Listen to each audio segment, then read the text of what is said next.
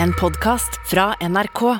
De nyeste episodene hører du først i appen NRK Radio.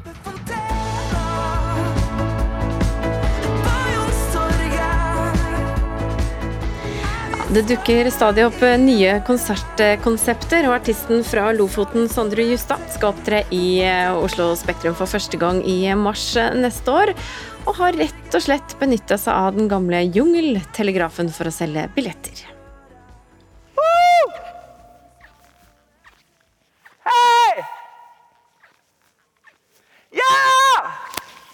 Artist Sondre Justad beveger seg gjennom et enormt og tomt Oslo Spektrum og tester akustikken. Bra akustikk. I mars skal han opptre her for første gang.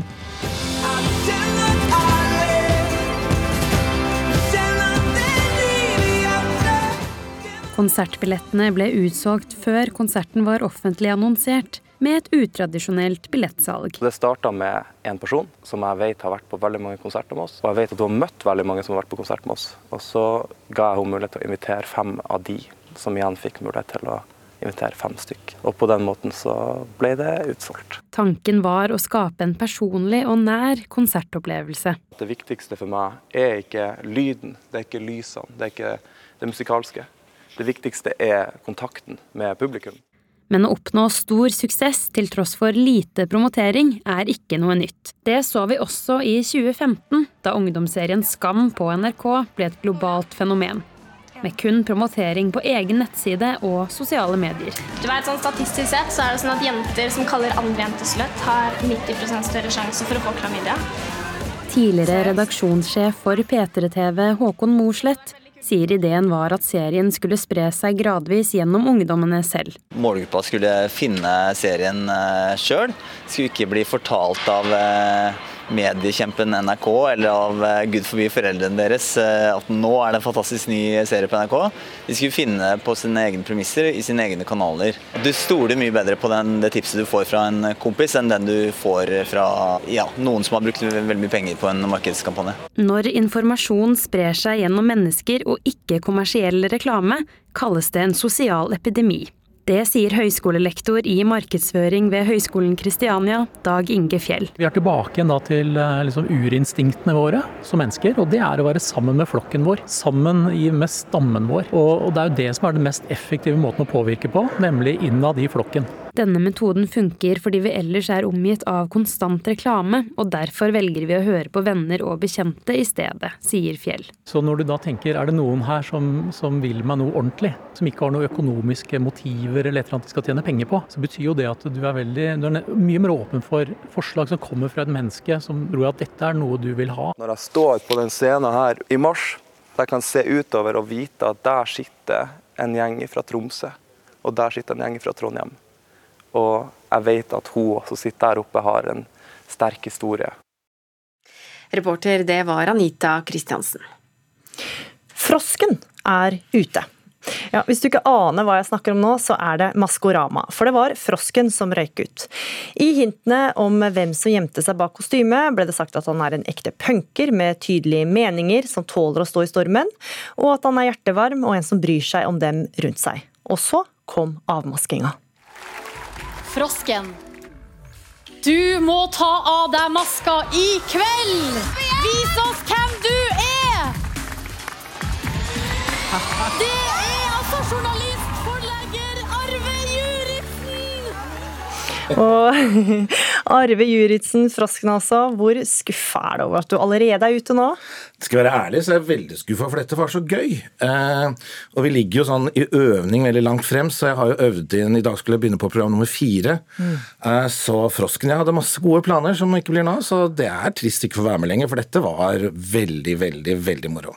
Hva har eh, reaksjonen fra venner og bekjente vært da, på at det var deg som skjulte seg bak kostymet? Nei, altså dette er jo også den største øvelsen i å lyve. Mm. Fordi dette skal være helt hemmelig, og man, ingen vet noen ting. Så det er bare datteren min som har visst om det. så det var mye rare og artige meldinger på, på lørdagskvelden. Og så var det bare 14 14 personer i hele Norge som gjetta på at frosken var deg. Hva kommer det av, tror du? Jeg vet ikke, jeg har vel ikke akkurat markert meg så veldig mye som popstjerne, syns jeg. Uh, og den karrieren ble fortsatt kort. Kanskje ikke, etter at noen har hørt deg nå? Nei da. Ja, det, takk skal du ha. Men uh, nei, det var vel ikke så lett å gjette, og de hintene er jo veldig Du skal uh, ha god fantasi, og du skal klare å skille tøys fra virkelighet på de hintene. Så det var vel ikke så lett. Men jeg får takke for de 14, så får de ringe meg så jeg vet hvem de er. Vi skal høre litt på sangen du framførte.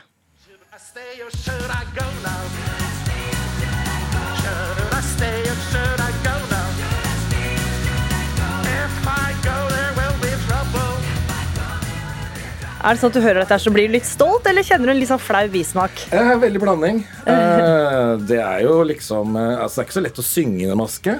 Det er ikke mye luft inni der. Eh, og ikke har jeg sunget før heller, noen gang. Dette er aller første gang jeg synger offentlig. Men vi har hatt en veldig god uh, trener som har, vi har øvd og øvd og øvd på dette her, så jeg tenker at det, ja, det var så godt jeg kunne gjøre det. det var, uh, håper det var litt moro for andre enn bare meg, da.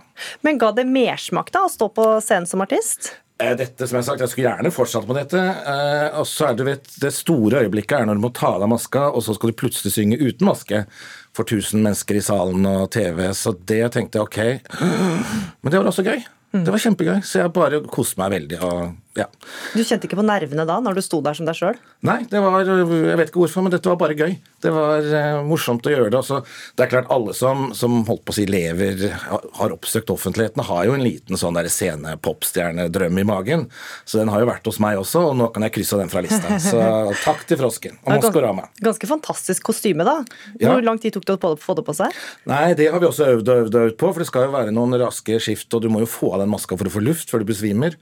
Men det tar litt tid å få den av og på, og mitt, mitt, kostyme var jo ikke det mest avanserte heller, så det er nok andre som har enda varmere og enda mindre pust. Mm, og når det gjelder da de andre, nå har jo du vært med i showet. Hvem er det som skjuler seg bak de andre maskene? Jeg vet ingenting mer om dere. altså Produksjonen Maskorama burde vært filma backstage også, for er, vi blir henta i anonyme biler på, på, nye steder. Vi går i sånne visirer så ingen ser oss. Så eneste gangen jeg så de andre deltakerne, var når vi sto på den lineupen eh, for utstemningen. Så jeg aner ikke noe mer enn deg. Kan bare gjette vilt, akkurat som deg og alle andre. Så det er en hemmelighet rundt dette produksjonen som er veldig gøy. Så det er jo egentlig bare å følge med da, og se hvem som er skjuler seg bak de andre maskene. Arve Juritzen, takk for at du kom. Takk selv. People are passing out everywhere all around me. And when you pass out, there's no room for you to drop to the floor. So you just go limp and you like are leaning on someone and then you're getting trampled because people are just like pushing. Her hørte vi det Amira som var en av de 50 000 som var til stede da den amerikanske rapperen Travis Scott holdt sin egen festival i Houston i Texas i helga. Men hele den festivalen her endte altså i en tragedie. Hva var det som skjedde, kulturreporter Anne Skifjell? Åtte mennesker mistet livet, og flere hundre ble skadd under konserten til Travis Scott eh, på festivalen Astroworld. Og flere som Diana, som vi hørte, slet med å puste og besvimte da til slutt. Eh, de døde var unge mennesker mellom 14 og 27 år, og flere skal ha dødd ved å bli trampet og klemt i hjel. Hvordan kan dette her ha skjedd? Det er jo den politiet i Houston skal undersøke. Ifølge en analyse fra Washington Post så fortsatte konserten i omtrent en time etter at folk begynte å vise tegn til panikk. Flere konsertgåere prøvde også å stoppe konserten underveis. Eh, og litt før kvart på ni så stopper faktisk Scott å synge, da han legger merke til at noen har besvimt, eh, og han ber sikkerhetsvaktene om å hjelpe han, noe de gjør. Men konserten fortsetter i rundt en halvtime til. Og dette er ikke altså, første gang Scott sine konserter har skapt oppmerksomhet heller. Han har eh, tidligere også blitt dømt for å ha ta oppfordret til opptøye blant publikum. Eh, men hva har vært reaksjonene etter eh, hendelsen i helga? Jo, vi kan jo ta at Både i 2015 og 2017 så ble Travis Scott dømt for ordensforstyrrelser eh, under hans konserter. og Rapperen har også allerede etter denne konserten blitt saksøkt av konsertgåere eh, for å ikke ha planlagt og gjennomført konserten på en sikker måte. Eh, og Rapperen selv har ikke svart på søksmålet, men han skal være knust over det som har skjedd, og lover å samarbeide med politiet for å finne ut hva som har skjedd. Takk skal du ha, kulturreporter Anders Ifjell. Vi skal til Teater Vestland, som eh, avslutter teatersesongen nå med en ny utgave av H.C. Andersens kjente nyttårseventyr 'Piken med svovelstykkene', eller eh, 'Jenta med fyrstikkene', som Teater Vestland har kalt forestillinga. Og her skal du få en liten smakebit fra stykket. Hva skal hun gjøre nå, da?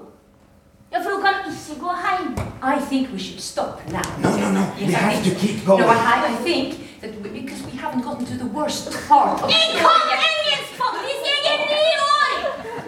Og jeg vil ikke slutte. Jeg vil fortsette. Men Karina, da blir det veldig kaldt her. Men jenta har noe som hun kan varme seg på i lomma. Hun har fyrstikker. Teaterkritiker eh, Karen Frøsland Nystøyl, eh, du kaller denne forestillinga 'Jenta med fyrstikkene'. For politisk teater, hvordan da? Det handler om hvordan vi forholder oss til nød, og det handler om at vi faktisk kan forandre verden og forandre historien, sånn rett og slett. Barn i dag eh, er opprørere, de krever handling, de stiller spørsmål ved vedtatte sannheter. Og i dette stykket ved Teater Vestland så legges det opp til en koselig juleforestilling med det kjente eventyret, eller for mange voksne, det kjente eventyret 'Piken med svovelstikkene' eller 'Jenta med fyrstikkene'. Eh, og selve forestillinga handler om at dette eventyret skal settes opp. Eh, og jenta, eller skuespilleren som spiller denne jenta, hun går bare ikke med på at eventyret ender som det gjør. For hos H.C. Andersen så dør jo så dør jo jenta nyttårsnatta. Hun får ikke solgt noen fyrstikker. Eh, så det er er, jeg opplever det som svært politisk, og, og, og, et stykke som oppfordrer til endring. Når eh, regissør Miriam Prestøy Lie får både barn og voksne til å se alt fra barnet sitt perspektiv. Mm. Og hvordan eh, ser det ut, fra, ut på scenen, da? Ja, det er så fint. Vi, vi, går, vi får tøfler alle sammen. Det er jo en viktig del av eventyret opprinnelig. Vi blir iført tøfler.